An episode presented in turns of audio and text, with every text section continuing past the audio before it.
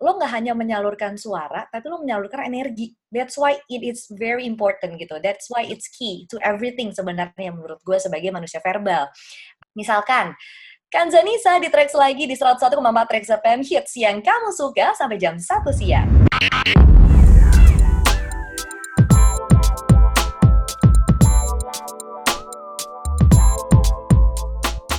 Seorang announcer tidak hanya berkewajiban untuk membawakan suatu program yang bisa didengarkan dengan baik, tapi juga harus dapat menghibur. Nah, skill apa aja sih yang diperlukan seorang announcer agar sesi siarannya dapat nyaman dinikmati para pendengar?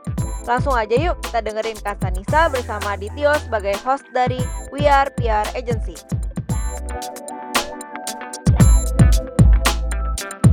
Oke, okay. hello YouTube, hello podcast, hello Instagram, dan last but not least, hi Facebook. Kita balik lagi di PR Talk Podcast. Seperti janji gue sebelumnya, kita sudah buat serangkaian agenda dengan si manusia verbal. Nah, actually, si manusia verbal ini sebenarnya tagline-nya punya teman gue nih. Gue colong dari teman gue. Kebetulan teman gue juga temennya Kansa. si Ziggy. Jadi sebelum gue bikin podcast series ini, sa ceritanya uh. Janjian dulu sama Ziggy. Gi, gue pinjem dong nama lu jadi tagline season 3 gue. Sampai segitunya. Hmm, ide yang baik ya Pak ya. Karena gue gak enak, itu kan intellectual property orang. But anyway, benar-benar Yes, di season uh, podcast kita sekarang udah sampai di season ketiga. Seperti janji gue, si manusia verbal ini kita akan undang berbagai profesi. Profesinya mm -hmm. itu beragam, baik dari announcer, radio, terus ada juga dari influencer, dan juga ada dari uh, jurnalis. Jadi semuanya kan kita gabung uh, dalam episode singkat-singkat, di mana teman-teman nanti bisa belajar dan juga memahami bagaimana sih berprofesi sebagai si manusia verbal di masing-masing bidang. Nah, seperti tadi yang gue jelaskan sebelum kita intro, malam ini gue sudah kehadiran dan menghadirkan teman lama yang kita baru ketemu lagi ya via virtual. Ya, setelah sekian lama loh, ketemunya di sini jadinya. Nah ini selalu seru kalau ngobrol sama si anak saya yang satu ini. Ini adik kelas gue actually. Jadi kita anak generasi 90-an. Uh, Kanza ini uh, junior gue di Binus, tapi kebetulan karirnya di B Voice lebih bagus dari gue. Gue nggak lolos waktu pendaftaran pertama. Dan melanjutkan karir jadi uh, radio announcer di Trax FM. Ya. 101.4 Trax, Trax FM. Apa? Be Good Uh, enggak, itu tekan lama. Berarti ketahuan ya, Anda senior sekali ya kan. Kalau di angkatan gue udah hits yang kamu suka. Hits yang kamu suka. Kalau dulu apa ya? Be Don't be forget to be good, be aduh gue juga lupa, tapi panjang nah, tuh, main panjang. Ya. so anyway, thank you banget za untuk joining with us di We Are PR once again setelah sekian lama kita belum ada project bersama lu lagi tapi Moga-moga setelah ini kita ada project lagi ya saya doain amin, ya. Amin, amin. So uh, thank you sekali lagi. Kanza akan mewakili dari sisi announcer yang akan menceritakan ke teman-teman bagaimana sih profesi announcer dan ketika lu pengen menjadi announcer di mana pun ya, boleh di radio, boleh di ya. podcast, kira-kira dari pengalaman Kanza apa hal-hal penting yang bisa lu gunakan sebagai skill set lo. Oke, okay, kurang lebih seperti itu. Nah, okay. tanpa berlama-lama lagi kita akan mulai diskusinya. Kira-kira pertanyaan pertama apa Liv buat Kanza? Silakan. Ah, ini seru banget nih. Ini kita perlu pengen tahu banget nih cerita dari Kansa sendiri. Gimana sih awal memulai karir sebagai announcer radio? Jujur gue kecemplungnya secara nggak sengaja karena mungkin yang tadi Tio udah jelasin ya kita sama-sama anak binus cuman beda uh, generasi cie biar jauh ya yuk ya beda angkatan lah lebih tepatnya. Um, awalnya tuh sebenarnya gue nggak ikut radio kampus ini, si komunitas ini.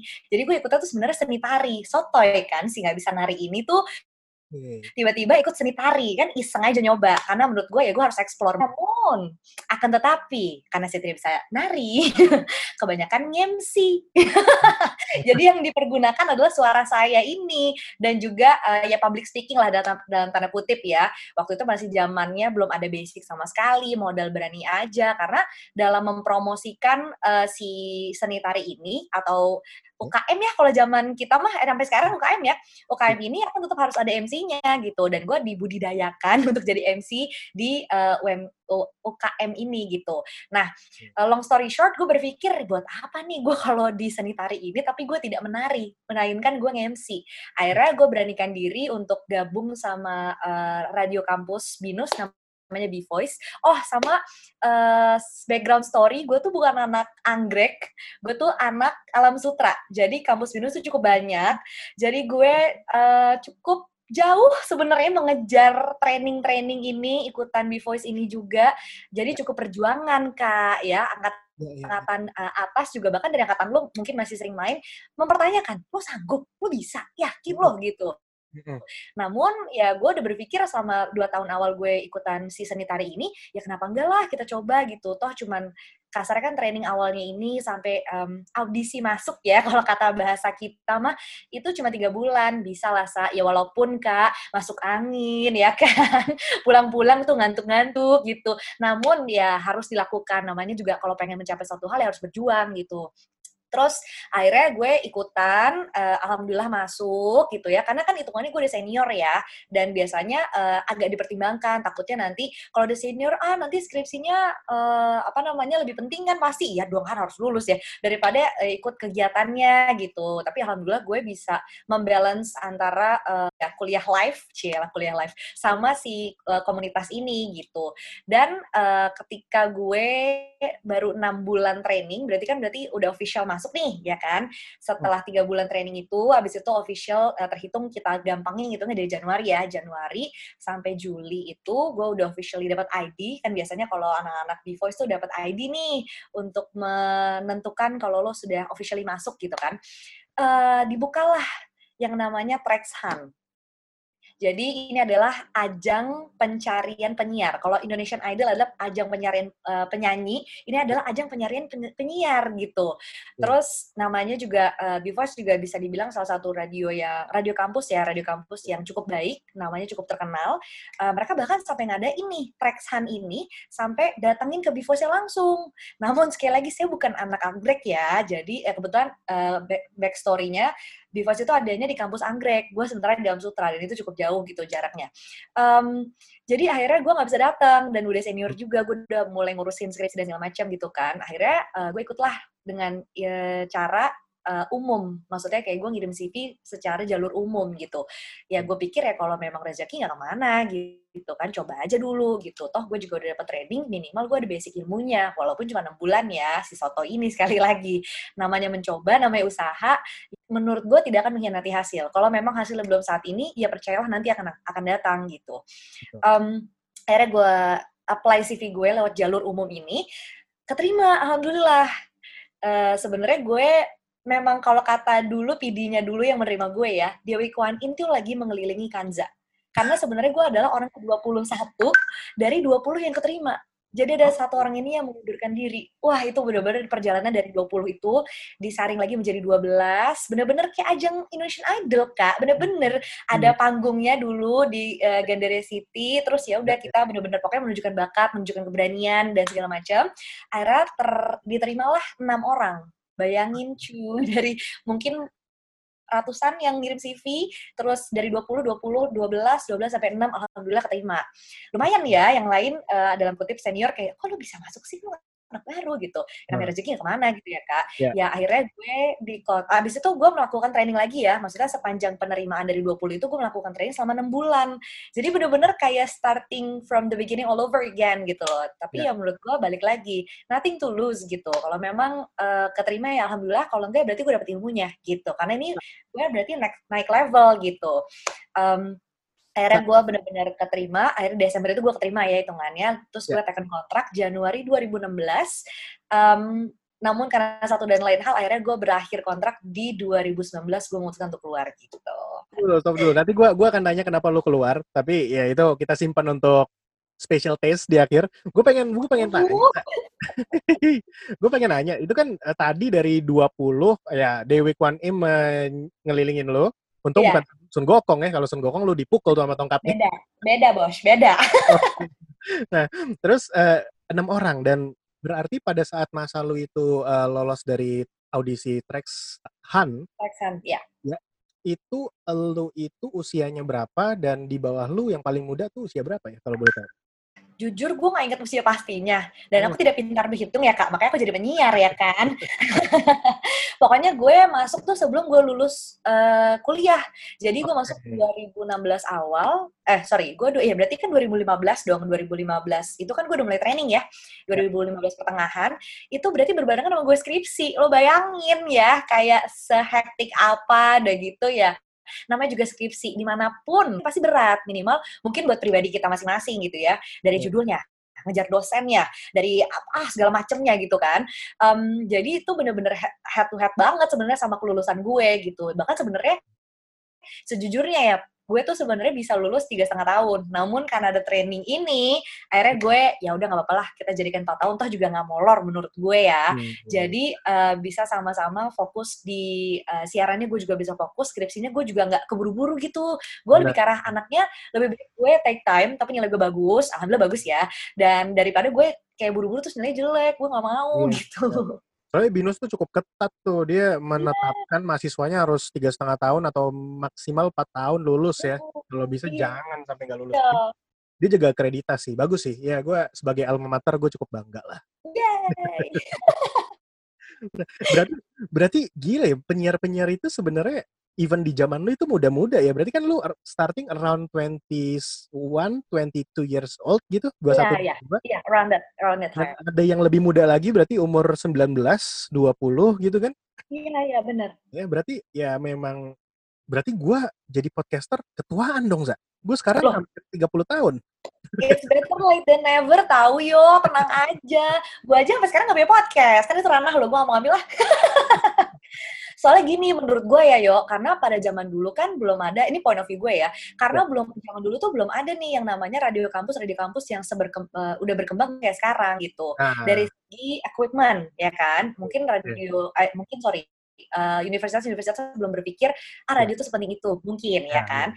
Terus dari segi ilmu mungkin jebolan-jebolan alumni alumninya kan juga akhirnya bisa menurunkan ilmu-ilmu mereka ke uh, kita kita ini sebagai anak baru gitu. Jadi menurut gue lebih develop nih uh, radio kampus radio kampus zaman sekarang dibandingkan dulu gitu. Karena mungkin fokusnya sekarang udah berbeda udah shifting gitu. Yeah, Dan yeah. Uh, gue juga waktu zaman training di di Voice itu, gue bahkan langsung diajarin sama nama-nama yang cukup besar gitu, seperti Sahil Mulahela, seperti Reza Al-Kadri gitu, dua contoh nama yang cukup besar pada dunia radio ya. Mereka turun tangan langsung trainingin gue gitu. Nggak gue doang ya maksudnya ya, tapi angkatan gue gitu.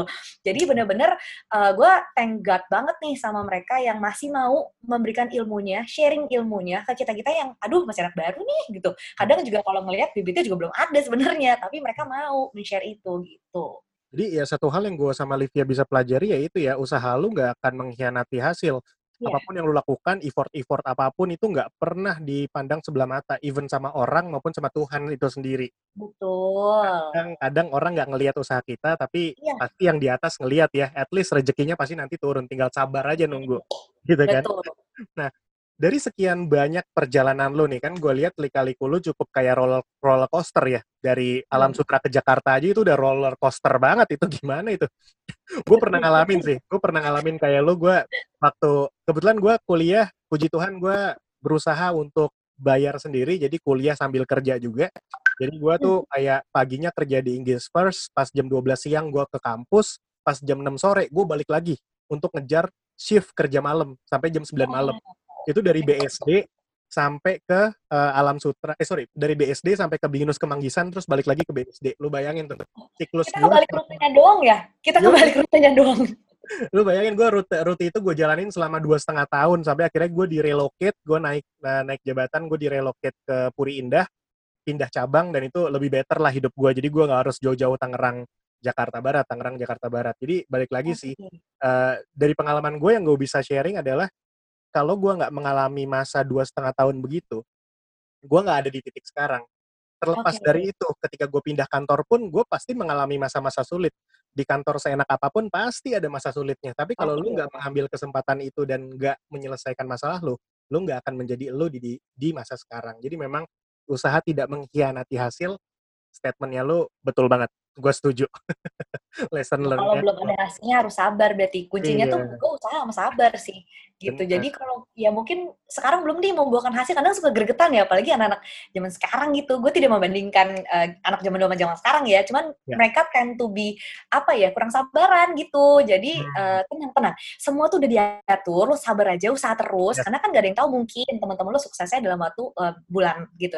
Mungkin lo suksesnya dalam waktu tahun gitu. Jadi benar-benar harus sabar gitu. Ya, lo kalau teman-teman pengen dengerin tentang kesabaran anak muda, millennial things, dan the older version of you, lo bisa dengerin season 2 podcast gue tentang generation then and now, itu kita bahas tentang masalah generasi tua dan generasi muda. Di season Ada 2, generation gap gitu ya. yo itu udah pernah Oke. gue bahas tuh. Nah, kita maju sendiri, eh, maju maju sedikit lagi, kita balikin ke track sebagai radio announcer. Eh, selama pengalaman lu sebagai radio announcer nih, eh, mau diambil dari B-Voice, mau ambil dari Trax FM, kira-kira boleh nggak gue tahu sebagai si manusia verbal ini apa sih yang bisa lu pelajarin selama lu menjadi radio announcer? Kalau starting mungkin dari B-Voice itu link. Karena itu penting banget. Maksudnya lo ada di bidang mana pun, ada di kerjaan mana pun, link tuh penting banget. Itu juga salah satu faktor kenapa gue masuk eh, radio kampus ini gitu, atau B-Voice gitu. Karena dari segi omongan orang juga, eh linknya bagus, linknya bagus. Mungkin kalau dari segi omongan doang kan tidak terasa nih sama kita manfaatnya. Jadi Ya. menurut gue, gue bener-bener harus nyemplung nih. Mau sesusah apa, bolak-balik Jakarta, Tangerang kayak, yang penting lo coba dulu. Kalau memang ada ya Alhamdulillah, kalau nggak balik lagi ya sudah gitu kalau gue. Ya. Eh, terus dari segi yang tadi gue bilang, senior-senior ini bahkan bisa bukan dibilang senior lagi ya dalam hal eh, senior di B-Voice, tapi bahkan senior di radio swasta yang memang sudah dibayar gitu ya kerjanya. Itu Hmm. mereka masih rela untuk berbagi eh, ilmu. Jadi gue bener-bener dapet basic announcing skill itu bener-bener dari orang yang memang sudah menjalani jadi ada pengalamannya ya. Kadang kan kalau cuma teori aja menurut gue kayak aduh berasa kurang nih gitu. Dan mereka pun teorinya juga sudah sangat em, apa ya pakem gitu, sudah sangat eh, apa ya fundamental. Jadi menurut gue ini paket lengkap banget yang gue tidak akan terima di mana pun. Bahkan kalaupun misalkan gue pengen ikutan gitu. Sebenarnya kan zaman sekarang kelas-kelas em, radio broadcasting gitu kan banyak ya. Namun kan berbayar dan itu cukup mahal loh. Yuk lift kayak bener-bener harga itu bisa 5 juta, kayak bisa, wah bahkan bisa lebih gitu kalau memang lu udah advance. Jadi gue bersyukur banget nih gue dapetin ilmu ini for free dengan modal usaha gue aja gitu. Terus dari B-Voice itu gue upgrade lagi, em, sebenarnya dari segi basic announcing skill kan eh, sebenarnya sama-sama aja ya, nggak beda jauh lah kasarnya dari yang diajarin, apalagi yang ngajarin juga kan udah berkecimpung di dunia radio swasta gitu kan, kayak eh, Bang Sahil dan juga Kak Rezal Kadri gitu. Namun di tracks ini dimantepin lagi gitu, karena eh, balik lagi sebagai penyiar, kita tuh harus menyesuaikan sama radionya. Apakah radionya target marketnya range-nya muda? Apakah eh, berita-berita yang harus kita kasih ini sesuai dengan udah sesuai belum sama target dan juga eh, pokoknya hal-hal yang harus disesuaikan dengan radionya itu gitu. Karena balik lagi siaran misalkan di Trax FM sama di Hard Rock ya beda dong gitu. Pembawaannya dari gitu dari segi umurnya eh, beritanya dan lagunya juga pasti beda gitu sih. Oke, jadi yang gue bisa capture ada tiga hal ya, Za. Pertama, Hmm. network. Network yang mungkin di tempat lain pasti lu nggak bisa dapat. Is that correct? Link itu maksud lu network kan ya? iya betul Terus eh, basic basic skill karena di mana pun kita berada, lu mau jadi announcer, lu mau jadi podcaster, ketika lu udah masuk ke dalam ruang lingkupnya, komunitasnya pasti ada sharing knowledge tuh dari senior Betul. ke juniornya. Nah, yang terakhir adalah di shaping lagi. Nggak nggak cukup ketika lu udah dapat lu acquired skill gitu, lu udah dapat skill baru, tapi skillnya diem aja di kepala lu atau di diri lu, lu nggak implement gitu, lu nggak Iya. terapkan di dalam uh, hari-hari lu, lu nggak terapkan di dalam podcast lu sendiri atau skill radio announcing lu, akhirnya skill itu akan hilang aja begitu aja. Jadi benar dengan adanya tempat kerja, eh, komunitas itu kan kayak nge-shaping gitu ya, nge-shaping skill lu supaya lu menjadi em, profesional yang lebih baik. Kalau gua Benar. sering sering dengerin eh, omongan kayak gini sih. Kalau ini agak sedikit melebar dikit ya. Iya. Kadang kan kadang kan ada orang-orang yang mikir eh oh enaknya jadi penyiar radio atau atau gini, eh, misalkan gue udah netapin passion gue adalah si- siaran di radio. Tapi nggak Oke. semua skill siaran di radio ini gue dapetin di kampus atau di sekolah gitu. Bahkan eh, banyaknya gue bisa dapetin di komunitas atau informal education. Terutama Iya. punya punya Kak Bintang tuh yang kelas penyiar Indonesia itu. betul Terus akhirnya masyarakat muda ini berpikir kalau ah udahlah gue nggak usah sekolah aja, mendingan gue ikut komunitas, ikut informal education yang ujung-ujungnya gue bisa sampai passion gue nih jadi apa entertainer baik di radio, TV atau media apa pun. Apalagi sekarang okay. dengan fenomena influencer dan lain sebagainya. Yeah. Menyikapi generasi muda yang berpikir kalau sekolah, universitas gak penting. Menurut lu gimana? Hmm, ini pandangan gue ya. Jadi balik lagi kalau memang lo uh, sama Tuhan dikasih wadah nih gitu, tidak melalui mungkin aka, jalur akademis dan lo udah besar dengan hal itu ya bersyukurlah dengan hal itu. Tapi menurut gue, gue tetap perlu basic akademis karena gimana pun juga uh, kayak gue sekarang kan gue tidak ada di bidang entertainment ini lagi, gue tidak ada di bidang media ini lagi. Apa yang bisa gue andalkan kalau ketika itu terjadi yaitu ya uh, sisa-sisa akademisnya ini nih atau gelar gue ini nih yang harus gue perjuangkan atau gue gunakan untuk mencari kerjaan yang lain dan menurut gue ya um, dengan cara lo um, apa ya berkuliah gitu ya atau belajarlah dalam tanda uh, kutip atau lebih luasnya lagi kan lo bisa menambah ilmu lo lo bisa menambah network lo yang tadi gue bilang itu. Um, so many things that you can learn gitu loh dan bisa dari sisi mana pun gitu. Mau kuliah mau nggak kuliah bisa aja tapi gue lebih memilih untuk gue kuliah gitu. Kalau Olivia mungkin ada tanggapan? Lebih penting kuliah apa jalur profesi aja? Setuju sih sama Kansa Soalnya, uh, tetaplah kita perlu punya ini ya, apa, pengetahuan yang basic akademis gitu. Kalau misalnya kita punya kemampuan lain selain akademis ya it's, uh, bo bukan bonus sih, kayak nilai plus lah, gitu. Ya benar benar. Karena ini jujur pertanyaan dadakan gue aja karena tadi melihat Kanza ngomong, wah terlintas nih pertanyaan itu di pikiran gue dan uh, eh, gue kan cukup banyak di kerjaan kantor menghandle atau handling anak-anak muda ya generasi-generasi muda. Hmm. More to the tech and startup people sih. Okay. Tapi banyak banget per, hmm. perbincangan seperti itu kayak pergulatan batin mereka. Kayaknya gue nggak diajarin bikin bisnis dari sekolah. Kayaknya gue nggak diajarin berprofesi deh di sekolah di universitas. Uh, apalagi dengan racun-racun, bukan racun sih sebenarnya, apalagi dengan informasi yang mereka serap tapi tanpa menggunakan nalar gitu loh, Za.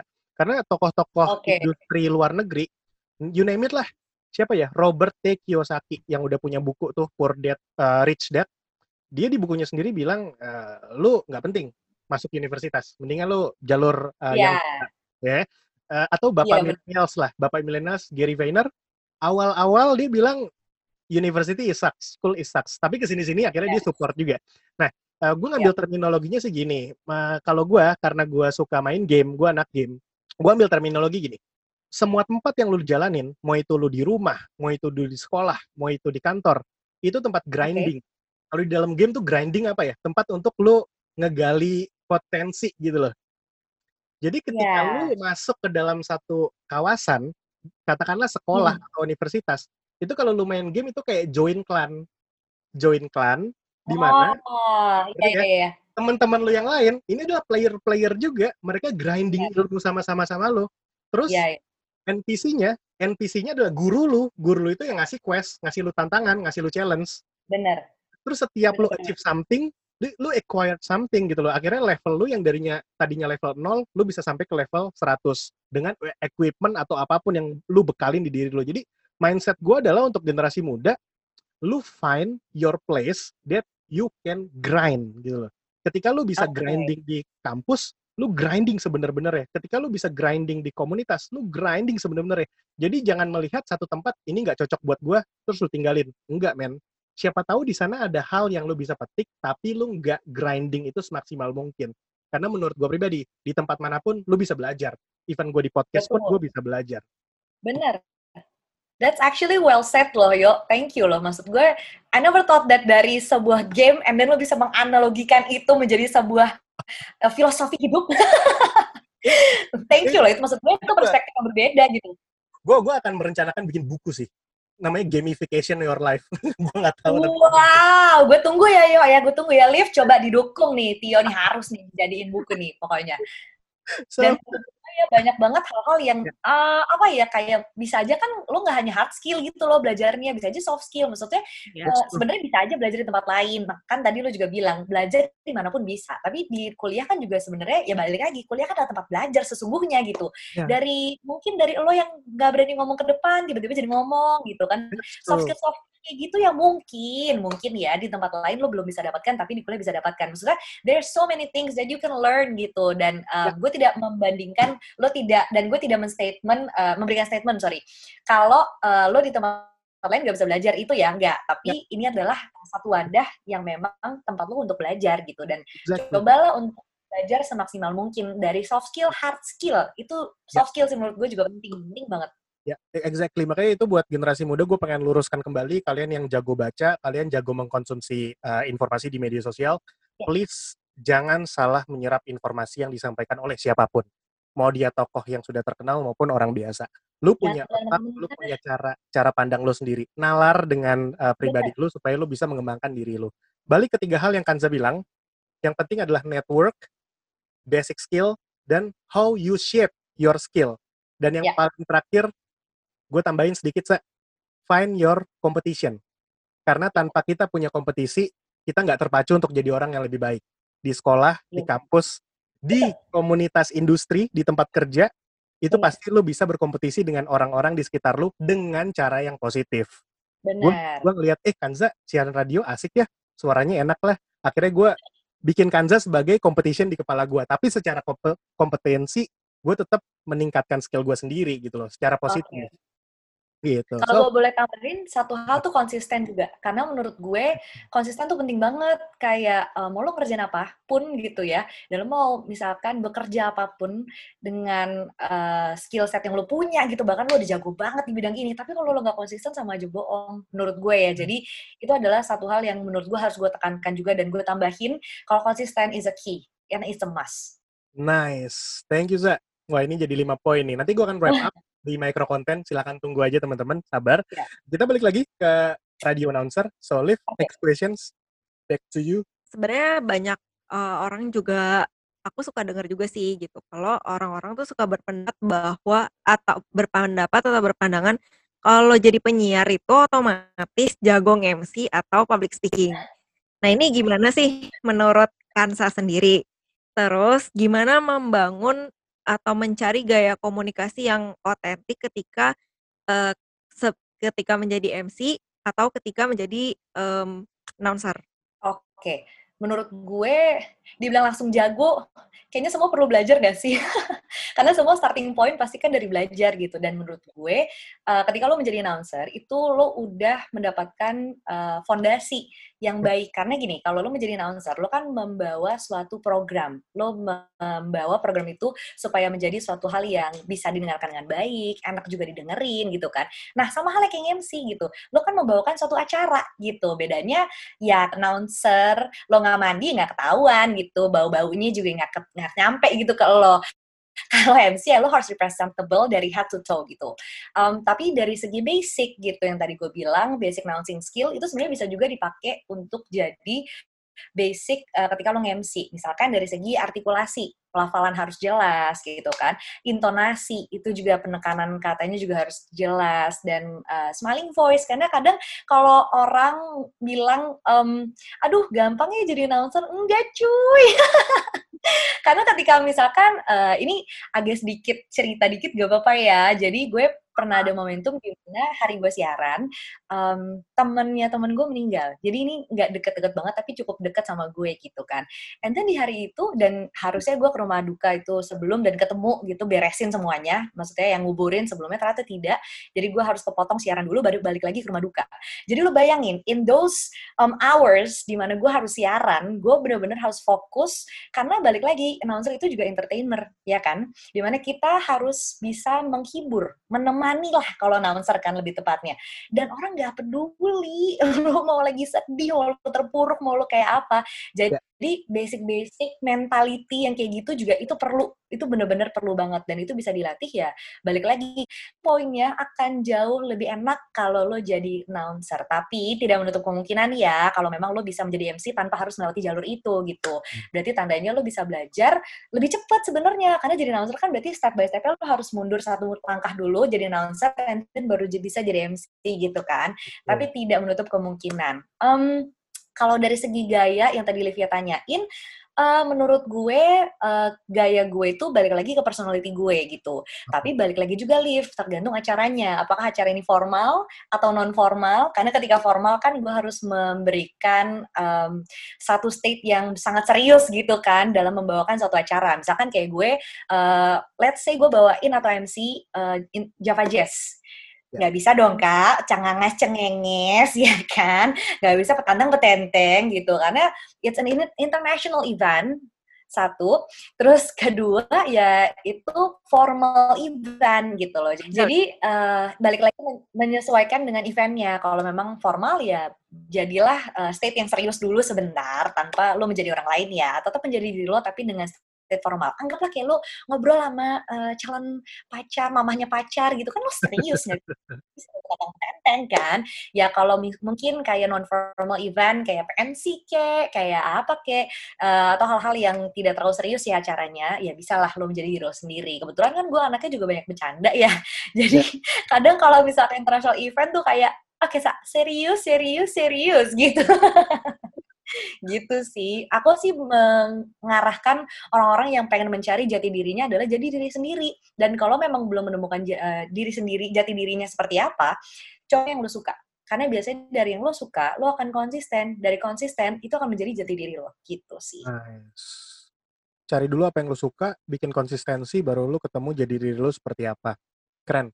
Em, tadi sebenarnya yang Kanza bilang pas siaran harus jaga apa ya, jaga emosi dan lain sebagainya karena kita semua entertainer, em, mau di media apa pun, mau dulu sebagai Instagram eh, influencer, podcasters, announcers, radio, mau lu jadi pembawa acara atau pembawa berita, kita semua dilihat orang sebenarnya apa ya baiknya aja. Maksudnya orang tuh pengen ngelihat kita pada saat momen bahagianya padahal belum tentu di belakangnya kita berbahagia.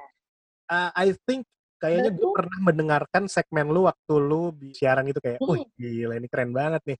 Jadi memang itulah salah satu apa ya mungkin gue bisa bilang bisa dijadikan ujian juga atau bisa dijadikan asam manisnya dalam dunia siaran ya intinya kita adalah entertainer semua konsumen kita tuh pengen melihatnya sisi positifnya aja atau sisi bahagianya ada. Karena ketika mereka mendengarkan mereka pengen relax gitu loh mereka pengen di entertain ketika kita Betul. jadinya nggak bisa menutupi itu Mm-mm. ya akhirnya mungkin kita bisa losing our customers but anyway tadi yang Kansa bilang smiling voice itu gue juga pernah ikut trainingnya tuh Za di kantor gue yang lama waktu gue masih jadi telemarketing kalau jadi telemarketer itu kita kan mengirimkan pesannya itu dari intonasi suara dan bagaimana artikulasi kita kan.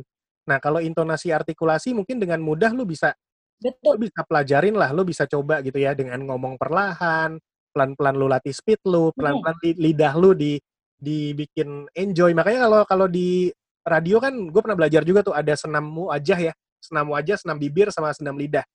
Kalau yang penyanyi juga seperti itu. Jadi itu buat Betul. melatih artikulasi, intonasi supaya uh, lo bisa lebih clear. Tapi satu hal yang gue pelajarin ketika lu bisa melak- menggunakan skill artikulasi dan intonasi, tapi lu ngomongnya juga sedih, lu ngomongnya juga ekspresinya biasa aja, kayak gue sekarang, energinya beda.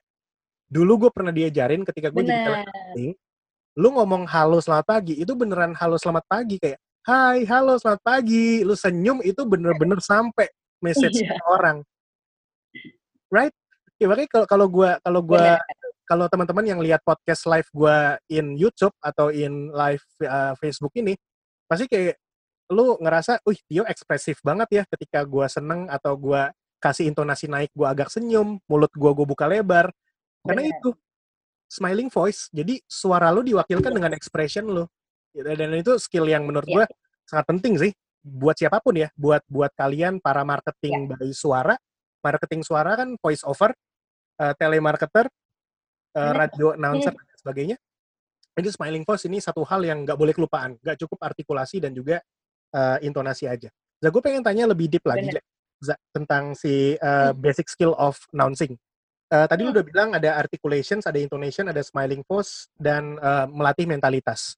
Selain empat hal itu, kira-kira ada em, skill apa nggak ya yang lu bisa bagi ke kita? Atau kalaupun nggak ada, kira-kira lu bisa contohin nggak dari empat hal yang tadi lu bilang, case study atau pengalaman lu mendevelop skill tersebut? Gini, gue mungkin mencontoh tambahkan sedikit aja kali ya, yuk. Ya. Karena gini, uh, menambahin kayak yang tadi Tio bilang gitu, dan juga Livia tanyakan, uh, kalau misalkan uh, smelling voice itu kenapa penting gitu ya? Karena lo nggak hanya menyalurkan suara, tapi lo menyalurkan energi. That's why it is very important gitu. That's why it's key to everything sebenarnya menurut gue sebagai manusia verbal. Um, kalau gue satu hal yang gue sadari sebenarnya ini based on experience, ketika lo melakukan hal yang sama terus menerus, pasti akan ada bosen ya dong, ada titik jenuh lah dalam tanda kutip gitu. Dan di mana cara gue untuk mengakali itu adalah mencari nada-nada atau intonasi yang bisa digunakan dalam menyebutkan tagline yang sama terus-menerus gitu. Dari hal misalkan gini, opening uh, radio itu harus menyantumkan uh, nama radionya karena kan itu identitas dari perusahaan kita ya dan orang harus tahu lo dengerin apa sih gitu. Kedua programnya, nama programnya karena itu juga spesifik. Ketiga tuh nama penyiarnya siapa? Ya masa lo nggak mau dikenal ya kan kak minimal ya orang tahu lah nama lo siapa gitu. Kalau keempat ini bisa bisa disebutkan um, ataupun bisa jadi optional aja gitu ya atau jam siaran. Karena orang juga kadang pengen dengerin lo siaran sampai jam berapa. Biasanya sih kalau udah penyiar yang senior ya karena kan ditunggu-tunggu banget gitu kan. Tapi kalau udah senior harusnya orang-orang udah tidak menotis lah kan udah tahu gitu. Cuman tetap sebagai anak baru kak aku tetap harus menyebutkan itu. Nah cara aku untuk latihan itu aku mengubah-ubah intonasinya dan mengubah urutan dari tagline-nya. Misalkan dimulai dari uh, tracks dulu, nama tracks-nya, nama company-nya, terus uh, nama acaranya tracks lagi, namaku Kanzanisa dan jam acaranya aku sampai jam berapa. Oh, Jadi bisa dimulai dengan cara 101,4 tracks FM hits yang kamu suka. Di tracks lagi bareng Kanzanisa sampai jam 1 siang ya itu ketika nadanya mungkin naik gitu. Tapi bisa juga naik turun naik turun dan diakhiri dengan turun gitu. Dan hmm. urutannya juga bisa diubah ya, yuk lift gitu. Jadi bener-bener gimana caranya lo mencari sekreatif mungkin hal-hal um, yang yang bisa di-tweak supaya kitanya juga sebagai penyiar eh, nggak uh, bosen. Walaupun yang dengerin kayaknya biasa aja. Tapi kita kan yang ngomongin ya kak ya, kadang bosen. Jadi bisa juga nih lo ubah urutannya dari nama lo dulu, terus um, nama programnya, terus baru track FM-nya, baru jam siarannya. Misalkan, Kanzanisa di tracks lagi di 101,4 tracks FM hits yang kamu suka sampai jam 1 siang. Jadi kayak gitu-gitu. Jadi ngayun nadanya beda, urutannya diubah. Jadi itu satu hal yang based on my experience yang akhirnya gue mencari cara secara kreatif dan susah payah. Karena kadang kalau udah jenuh jadinya susah ya untuk berkreatif, eh untuk uh, kre lebih kreatif gitu dalam melakukan segala hal. Dan itulah salah satu cara yang gue um, pelajari lah, gitu yang gue dapet based on my experience. How's that, Liv? Kayaknya ekspresi kamu suaranya tuh bisa aduh nggak tahu deh kayaknya tuh gimana gitu. Beda sama suara ngomong ya karena pakai suara perut jadi bener refleks tahu tegap itu bener jadi penyiar. Iya jadi misalkan aku kan sebenarnya agak agak slouchy maksudnya aku anaknya nggak tegap-tegap banget tapi when it comes to um, disuruh siaran dalam tanda kutip disuruh siaran untuk ngomong atau latihan gitu aku akan refleks pasti aku naik tegap gitu terus siap pakai suara uh, perut itu juga mungkin jadi salah satu kunci yang uh, Tio dan Livia bisa lakuin ya karena itu audionya akan jauh lebih bulat, ya. jauh lebih baik, makanya juga lebih enak. Jadi Sah, ya. aku juga hmm, waktu main teater tuh harus pakai suara perut makanya tadi tuh aku darah-darah dan nebak nih jangan-jangan pakai suara perut ya soalnya benar-benar kayak agak apa ya agak berat gitu tapi ya. lebih bagus jadinya. Ya. Iya, keren ya. Itu kalau ya, yang tebel ya. Yang perutnya tebel gimana ya kalau Oh, bisa, bisa, Pak. Tenang, tenang. Tetap ada perutnya kan, yang penting kan. Wah, kalau perutnya hilang serem banget dong kayak yang si Mbak Bolong itu.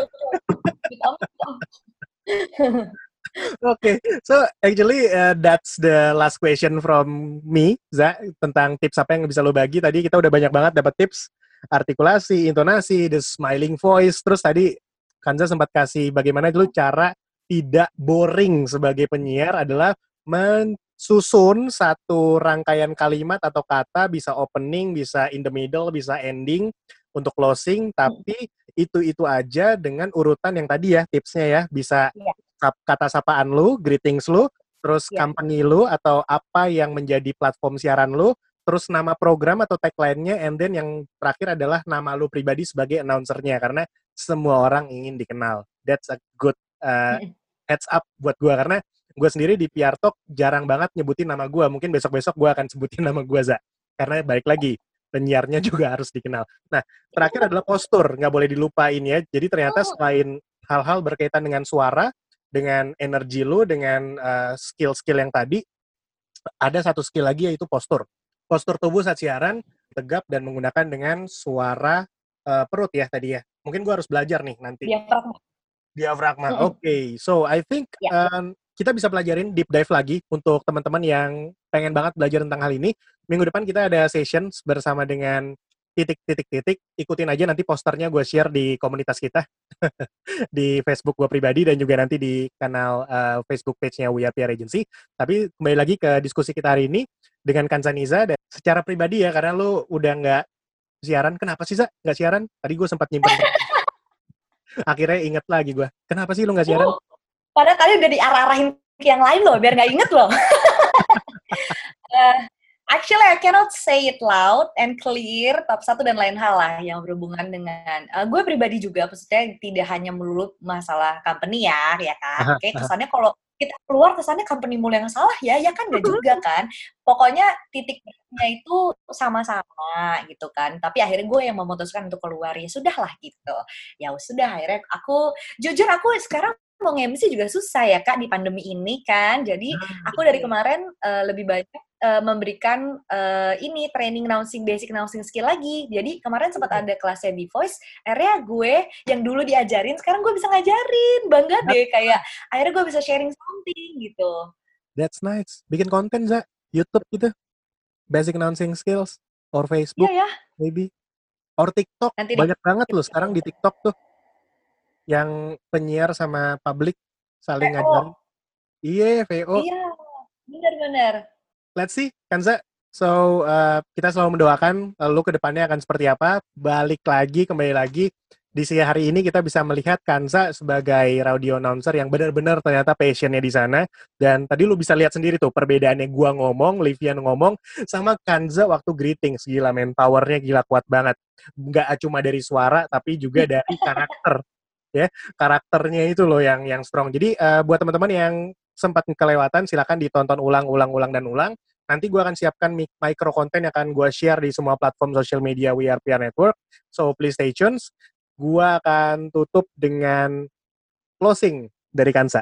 Monggo, Sa, silakan. Aku closing. Ih, suka menjebak ya anak ini ya. Go Oke. ahead. Thank you buat teman-teman yang udah dengerin dari tadi. Mungkin ada juga di Facebook Live yang nonton. Beda ya, sama aku siaran biasanya kan cuma didengerin doang.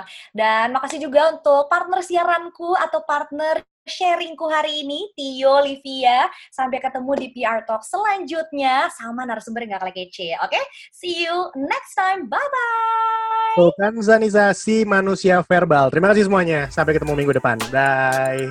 Bye.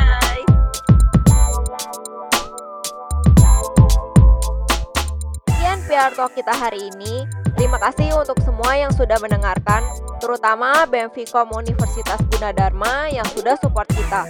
Jangan lupa subscribe dan komen konten kita, serta follow Instagram at WeArePRNetwork. Sampai ketemu di PR Talk selanjutnya. Dadah!